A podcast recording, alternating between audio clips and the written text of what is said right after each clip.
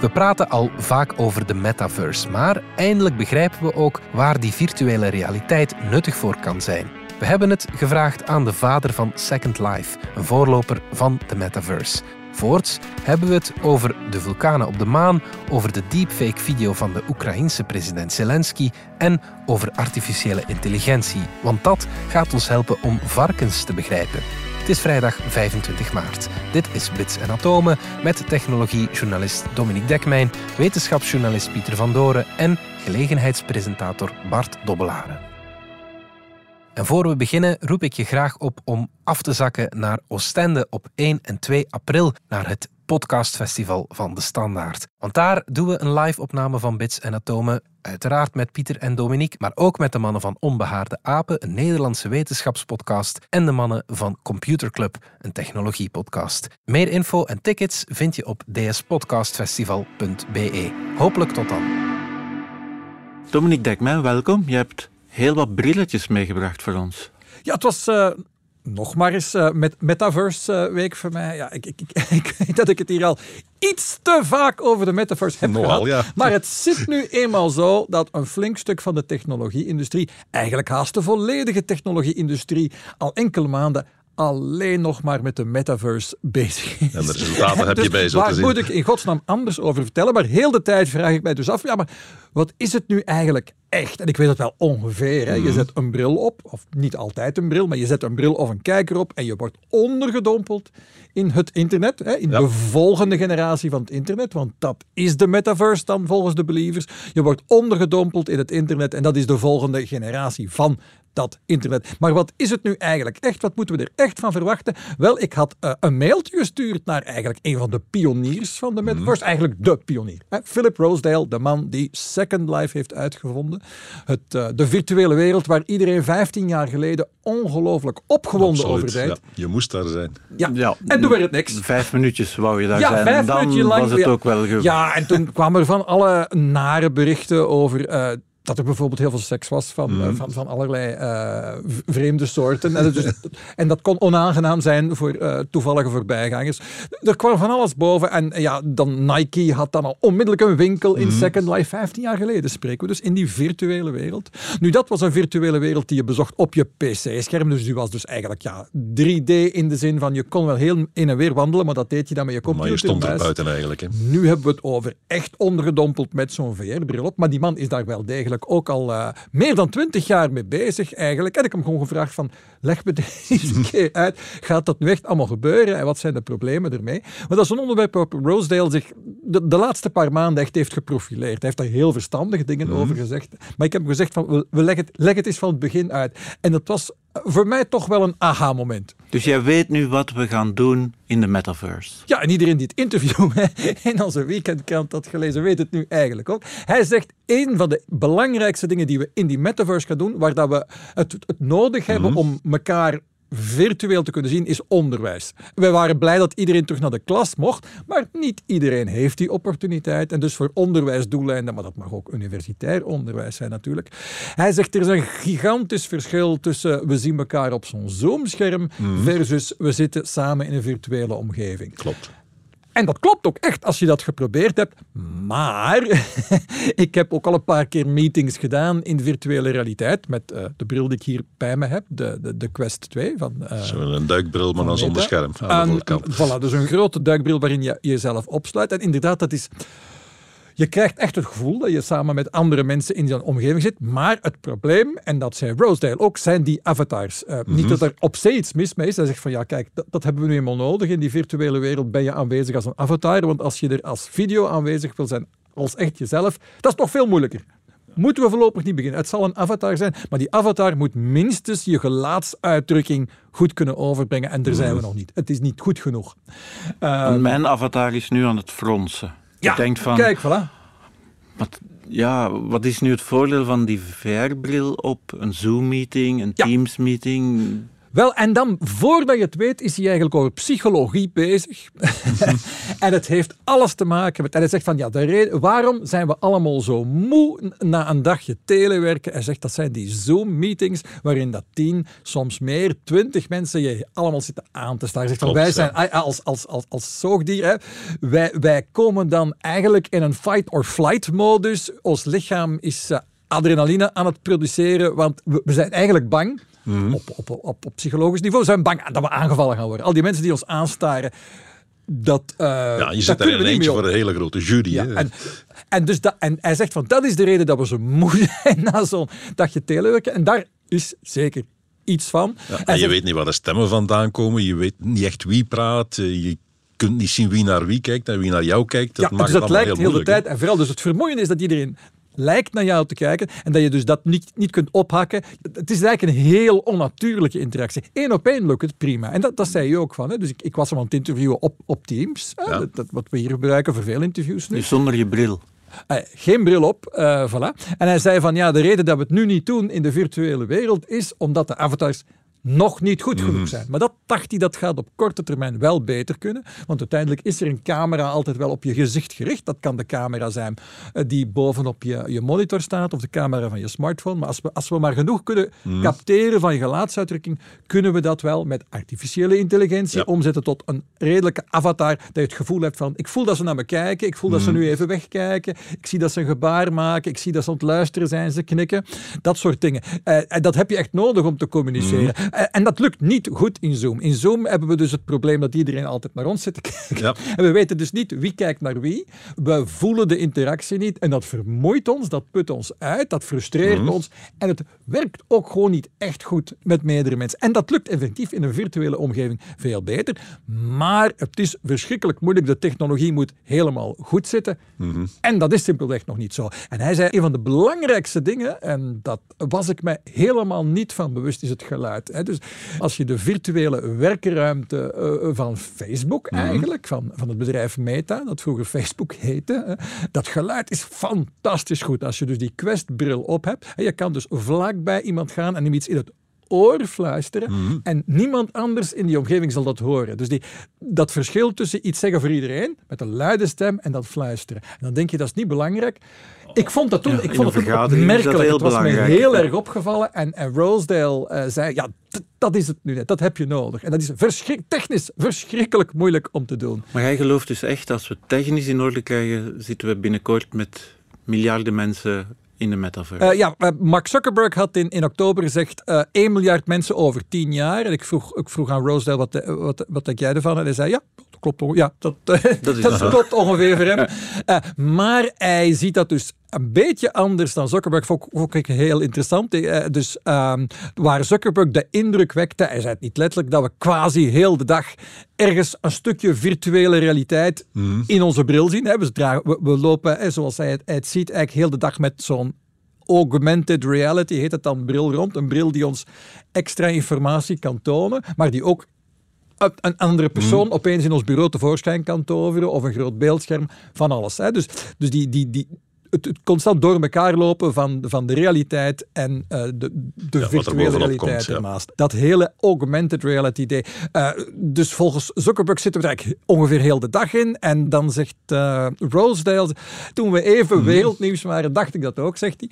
Maar ben ik nu toch wel een beetje op teruggekomen. Ik denk dat het eerder iets gaat zijn dat heel waardevol is, dat we heel belangrijk mhm. vinden, dat we gaan gebruiken voor heel belangrijke ervaringen in ons leven. We gaan zeker veel mensen als vrienden en mhm. zelfs als geliefden beschouwen die we alleen maar in die virtuele wereld kennen. Maar het grootste gedeelte van de tijd gaan we toch Zonder doen waar dat we als, als, als mensen, als, als, als dieren uh, voor geëvolueerd zijn. Dat is echt met elkaar omgaan. Je kunt dat niet echt vervangen. We blijven een sociaal dier uiteindelijk. Voilà, dus dat, dat was eigenlijk hetgeen dat hij zelf uit twintig jaar ermee bezig zijn uh, concludeerde. Van, ja, je kunt de interactie met mensen natuurlijker maken in die virtuele realiteit. En dat is bijzonder krachtig, mhm. maar het is extreem moeilijk en we komen in de buurt.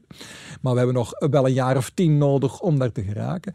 Uh, maar dat gaat niet de echte wereld vervangen, want ja, dat lukt gewoon volgens hem niet. En dat is ook niet wat de mensen willen. En daar kom ik dan voor een flink stuk in mee. Ja. Ondertussen is er dit jaar een gigantische verwachting gecreëerd. Heel veel technologiebedrijven zijn daar heel veel middelen in aan het steken. Eh, Meta is daar miljarden tegenaan aan het gooien. Terwijl dat, ja, hetgeen dat ze dan gaan kunnen leveren nog, nog ruim tien jaar weg is. En ja, misschien dat we binnen vijf jaar iets gaan zien dat er al een beetje meer op lijkt. Dat is lang. Dat is lang om hype in ieder geval vol te houden. Ik denk niet dat je de hype zo lang kunt volhouden. Dus dat wil zeggen dat we op een bepaald moment toch ergens tegen een muur gaan Iets gaan aanlopen. moeten zien. Ja. Dankjewel.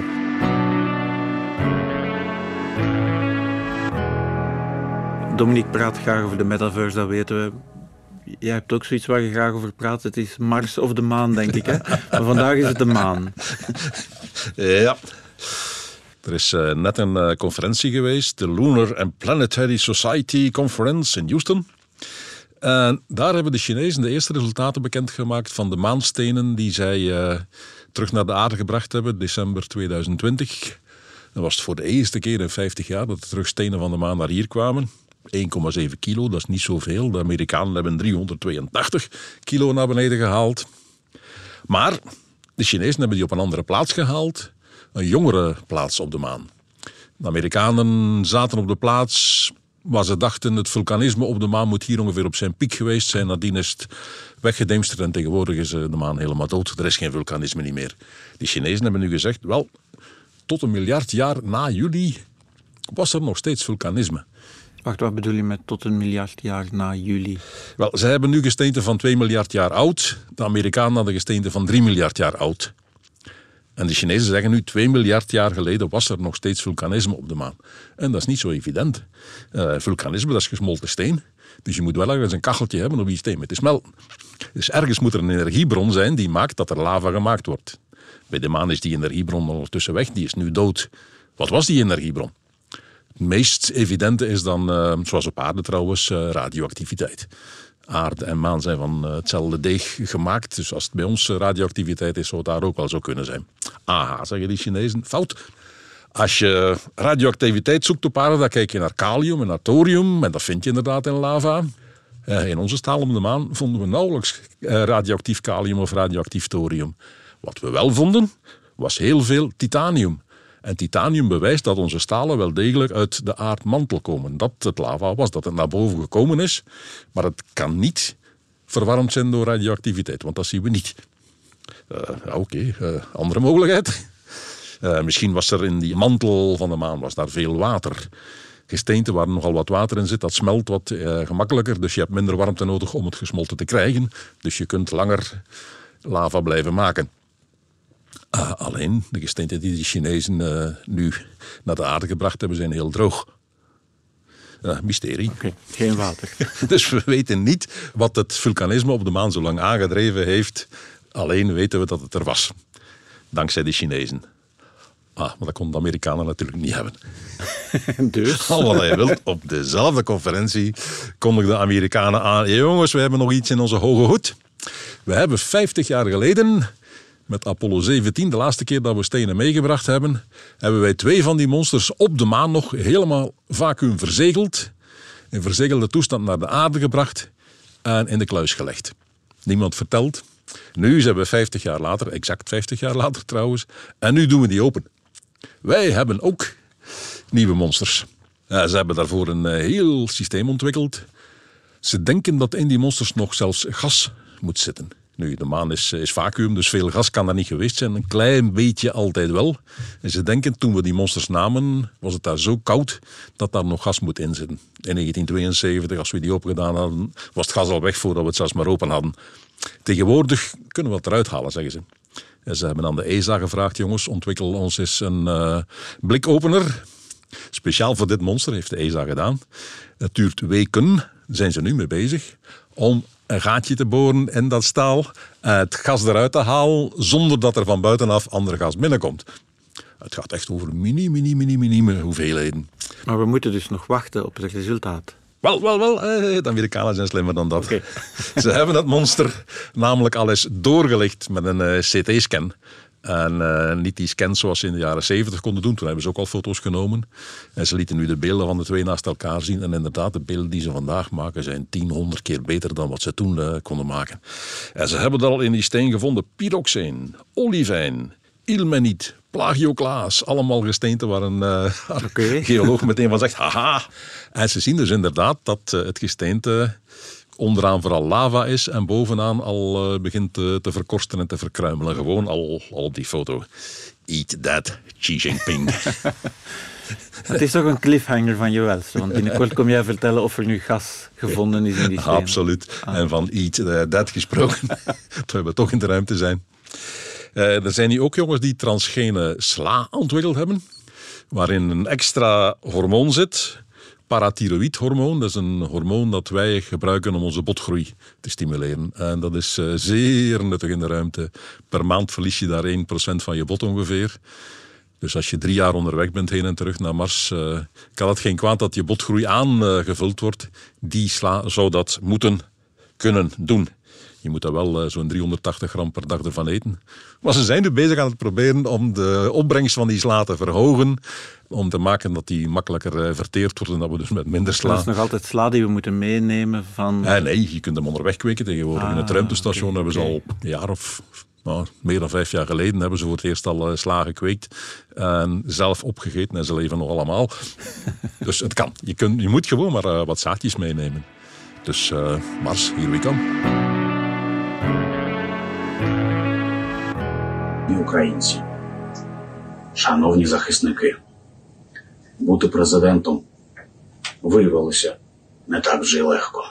Dominique, even schrikken naar vorige week toen er plotseling een video opdook waarin Zelensky zei dat de oorlog gedaan was, dat hij zich overgaf. Ja, de, de, de video was nog niet eigenlijk helemaal uh, begonnen aan zijn rondgang op het internet. Of er stond al duidelijk bij, iemand had er al duidelijk op gezet deepfake. Het was, het was een valse video. Um, maar dat is natuurlijk heel interessant, omdat iedereen er naar zat te kijken van, ja, we zijn al jaren met, met de problematiek van desinformatie bezig en uh, we zijn bang dat er in verkiezingstijd uh, valse informatie systematisch zal worden uh, verspreid met de bedoeling van het democratisch proces te ontwrichten. Uh, oorlogstijd is iets nieuws.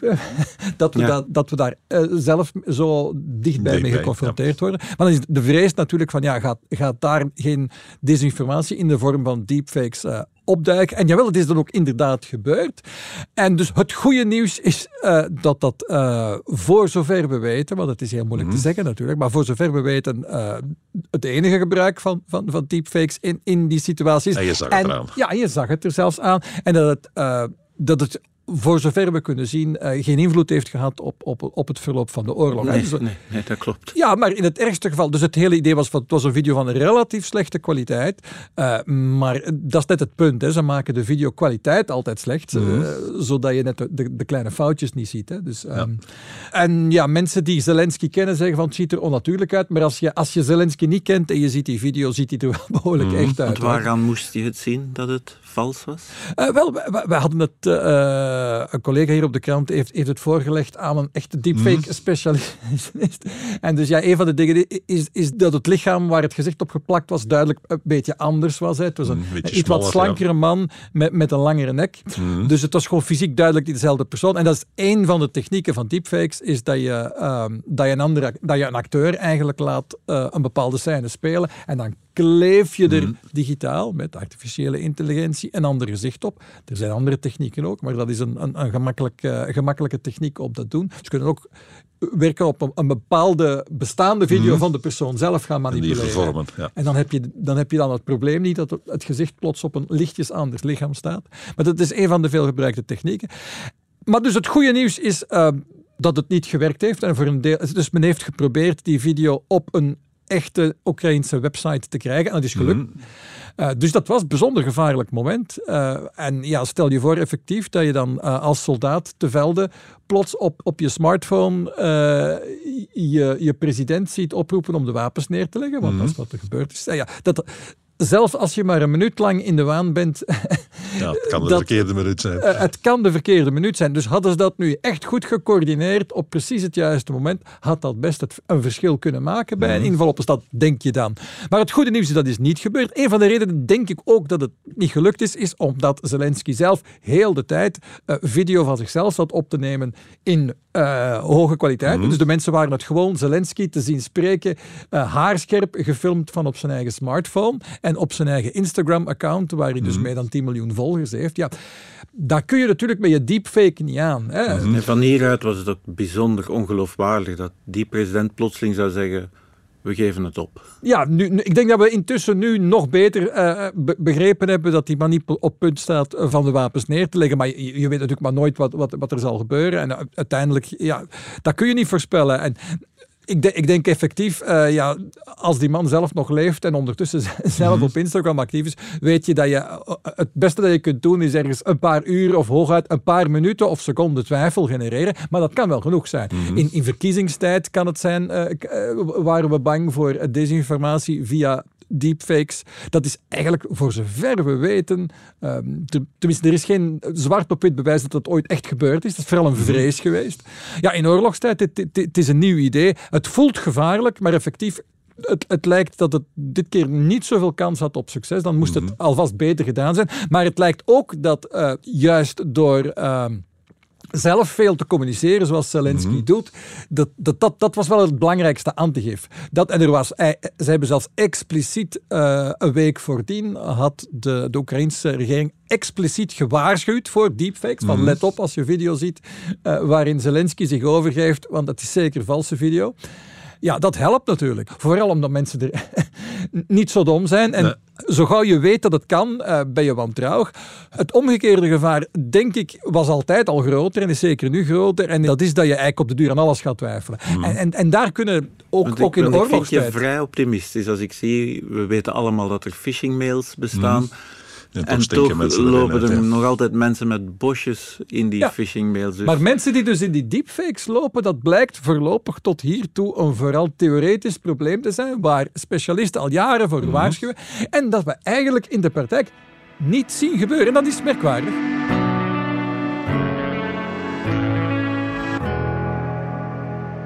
Voilà, Pieter, we hebben hierop geoefend, hè, want we gaan van deepfake naar DeepMind. Ja, en DeepMind is een artificial intelligence. Eentje van eh, Google, of eigenlijk van Alphabet, eh, de moedermaatschappij van Google. Ze hebben met eh, DeepMind al de wereldkampioen Go verslagen. En dat is een heel moeilijk spelletje. Moeilijk denksport, ja. Dus eh, die DeepMind is geen domme jongen. En nu hebben ze een nieuw programma gestart, dat heet Ithaca. Naar het eiland waar Odysseus ooit eh, vertrokken is. En dat ding kan eh, Grieks lezen. En het kan bovendien gaten in Griekse teksten, Oude Griekse teksten. oude Griekse teksten, het kan gaten daarin eh, repareren. Nu, oud-Grieks, dat komt tot ons via gehakte stenen die ondertussen verbrokkeld zijn en vers afgesleten zijn en waar stukken uit zijn. Dat komt tot ons via papyrus, waar nog nauwelijks iets van overschiet. Perkament waar stukken uit zijn, dus er is wel wat is reparatie aan die werken. ja. En eh, wat hebben ze gedaan? Ze hebben eh, dat ding 60.000 goed gekende Griekse teksten gevoerd. Met daarbij ook eh, de plaats waar ze ontstaan zijn en het jaartal wanneer ze geschreven zijn.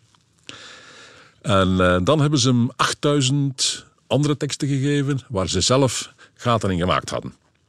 Dus ze wisten perfect wat er Ja, moest komen. En dan vroegen ze hem, ja. wat denk jij dat hier gestaan had moeten hebben? En die teksten hebben ze ook eh, voorgelegd aan eh, specialisten oud-Grieks, die die specifieke teksten nooit mee bezig geweest waren, want die waren al vertaald. En dan ook aan hen gevraagd, eh, vul deze gaten even in. Nu, de oud-Grieks specialisten deden dat in 25% van de gevallen meteen juist. Het gaat over meteen, geef ze langer tijd en meer studiewerk en 75% zo. van de gevallen zaten ernaast. Zaten ze ernaast. En ik heb nog Grieks gestudeerd, dus ik hoor het je graag zeggen dat die mensen er toch ook af en toe naast zitten. En Nogal, ja. Nu, ze hebben die diezelfde teksten aan de AI gegeven, aan eh Ithaca. En die zat er in 62% van de gevallen eh, zat die erop. Kon niet het gat vullen. Dus dat is toch wel een stuk meer. Ja. Maar als ze de mensen met het programma samen lieten werken, kwamen ze aan 75% van de gevallen. Dus eh, dat ding op zichzelf is nog niet echt een goede Griekse aanvuller, maar het helpt de mensen om al te zeggen, nee, die kant moet je niet opgaan, want je loopt vast. Of zou je deze kant eens niet proberen? Het helpt dus mensen denken en eh, met de meer kennis die mensen hebben, zijn ze inderdaad in staat om dus een reeks eh, Griekse teksten te reconstrueren. En we zijn tegenwoordig niet alleen beter geworden in oud-Grieks. Eh, we hebben ook al eh, computers echt, die zwijns praten. Zwijns. Zwijns. Uh, varkens hebben een uh, tamelijk rijk uh, taaltje, is veel gezegd, maar kunnen toch heel wat verschillende soorten knorren en kreten en kruinen produceren. En een goede boer die, die haalt er wel uit wanneer een varken tevreden is of wanneer het pijn heeft of zich bedreigd voelt of weet ik al, uit die kreten haal je wel wat. Nu zijn er onderzoekers en die hebben bij 400 verschillende varkens hun hele leven lang geluiden opgenomen. Iets van een, uh, hoeveel zijn er? Er 7400 verschillende soorten mhm. geluiden. Hebben die aan weer zo'n artificiële intelligentie gevoerd. En dan telkens bijgezet, dit is positief, dit is een negatieve emotie. Ervaring, ja. En dan ook weer op dezelfde manier uh, andere kreten aan dat ding gegeven. Het programma heet Soundwell. Dat wordt door de Europese Unie betaald. Want? En ik weet niet, de Europese Unie heeft nogal veel met uh, landbouw en met varkens blijkbaar. Want wat willen we nu weten? Wat die eh, varkens... ze hopen om de, de varkens daarmee een betere levenskwaliteit te geven. Dus ze zijn nu zover dat het programma de kreten heel goed herkent. Nu zoeken ze ingenieurs om uh, daarmee samen dan een app te maken die een boer dan op zijn smartphone kan uh, installeren. En dan moet die smartphone tegen die boer zeggen, uw varken voelt zich goed. Ja, er verschilt iets aan. Nu, ja in het hele programma, het is, het is heel lang en uitgebreid en het gaat over statistiek en over uh, herkenning van grafieken en spectrogrammen en zo verder. Maar wat er nergens in staat, is of ze gecontroleerd hebben of een programma slimmer is dan de gemiddelde boer. Oh, Daar moeten we nog even afwachten. maar goed, het uh, herkent dus de geluiden van varkens. Ja, ik kan me ook indenken dat het dan een objectieve norm uh, geeft. Je kunt niet aan een, een, boer verplichten om, om dat onderscheid goed te kunnen horen. Nee. Als je zegt van ja, we gebruiken die app. En als die app zegt van de, de varkens zijn niet gelukkig, dan moet voilà, er minstens eens een inspecteur komen kijken. Of zoiets. Voor certificering kan ik me inderdaad indenken. Het is iets objectiefs dat je zegt, je moet mensen scoren zoveel halen in, in deze uh, app. Of, of je varkens krijgen niet deze stempel. Dat zou kunnen.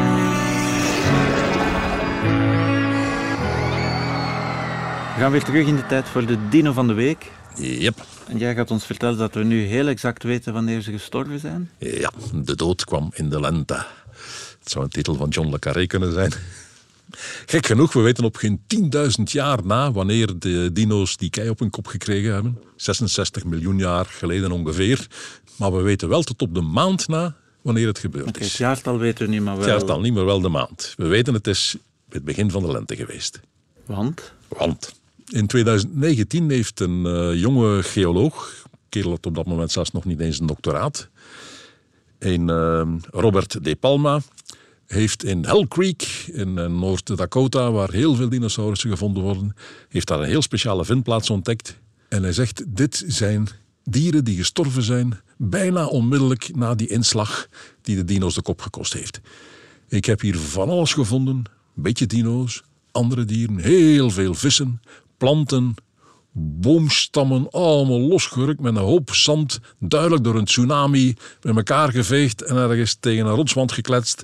En daar is die hele hoop blijven liggen. En ik kan bewijzen dat wat erin zit bijna onmiddellijk na zo'n uh, inslag gestorven is. Want, zegt hij, kijk naar de vissen bijvoorbeeld die erin zitten en hun kieuwen. Vind je allemaal hele kleine glasbolletjes, 0,3 mm tot hooguit 1,5 mm groot. En het is typisch het soort gesmolten gesteente dat ontstaat bij een inslag van een uh, enorme meteoriet. Rond andere inslagplaatsen uh, vinden we dat ook. In uh, Chicxulub, waar die grote steen van de dino's in der tijd ingeslagen is, vinden we die ook exact dezelfde. Je kunt onder een microscoop zien welke gesteente daar ooit gesmolten geweest is. Die vissen hebben dat in hun kieven zitten zijn daardoor gestikt, hebben het niet in hun maag zitten bijvoorbeeld, of in hun darmen. Dus ze hebben niet de kans gehad om het in te slikken. Ze zijn onmiddellijk gestorven aan duidelijk een meteorietinslag. Nu moet je natuurlijk nog bewijzen dat het uh, dezelfde meteorietinslag is en niet die, die 10.000 jaar eerder of uh, later ontdekt is. Maar ook uh, geologisch gezien klopt het allemaal perfect. Er zijn een hele hoop manieren waarop je kunt zien dat het is inderdaad heel Kort na de inslag uh, zijn die dieren gestorven en ze zijn aan een tsunami gestorven. De marie waarop ze er op elkaar uh, gehoopt liggen. Uh, sommige vissen zijn gewoon rond boven gevouwen.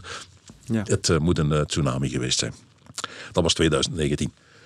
nu heeft hij ook een artikel gepubliceerd waarin staat: Ik kan zien dat het in de lente geweest moet zijn dat ze allemaal gestorven zijn. Want, bijvoorbeeld, er zitten hele kleine visjes tussen. Jonkies, uh, die nog aan het groeien waren. En als we die bekijken, als we hun cellen bekijken, als we gewoon ook een, een vorm en een formaat bekijken, dan kunnen we zien hoe oud ze waren toen ze stierven. En als je dat terugrekent naar het moment waarop dat soort vissen uit het ei komt, dan zijn die allemaal in de lente gestorven. Hij heeft gekeken naar bladeren van planten die daar gevonden zijn. En als je dan kijkt naar de vraat aan die bladeren, rupsen die daar gegeten hebben, parasolmieren in mijn stukken weggelopen zijn, weet ik veel. Ook dan zie je dat zijn, dit zijn lentebladeren. In de herfst zitten er geen rupsen aan de bladeren tevreden.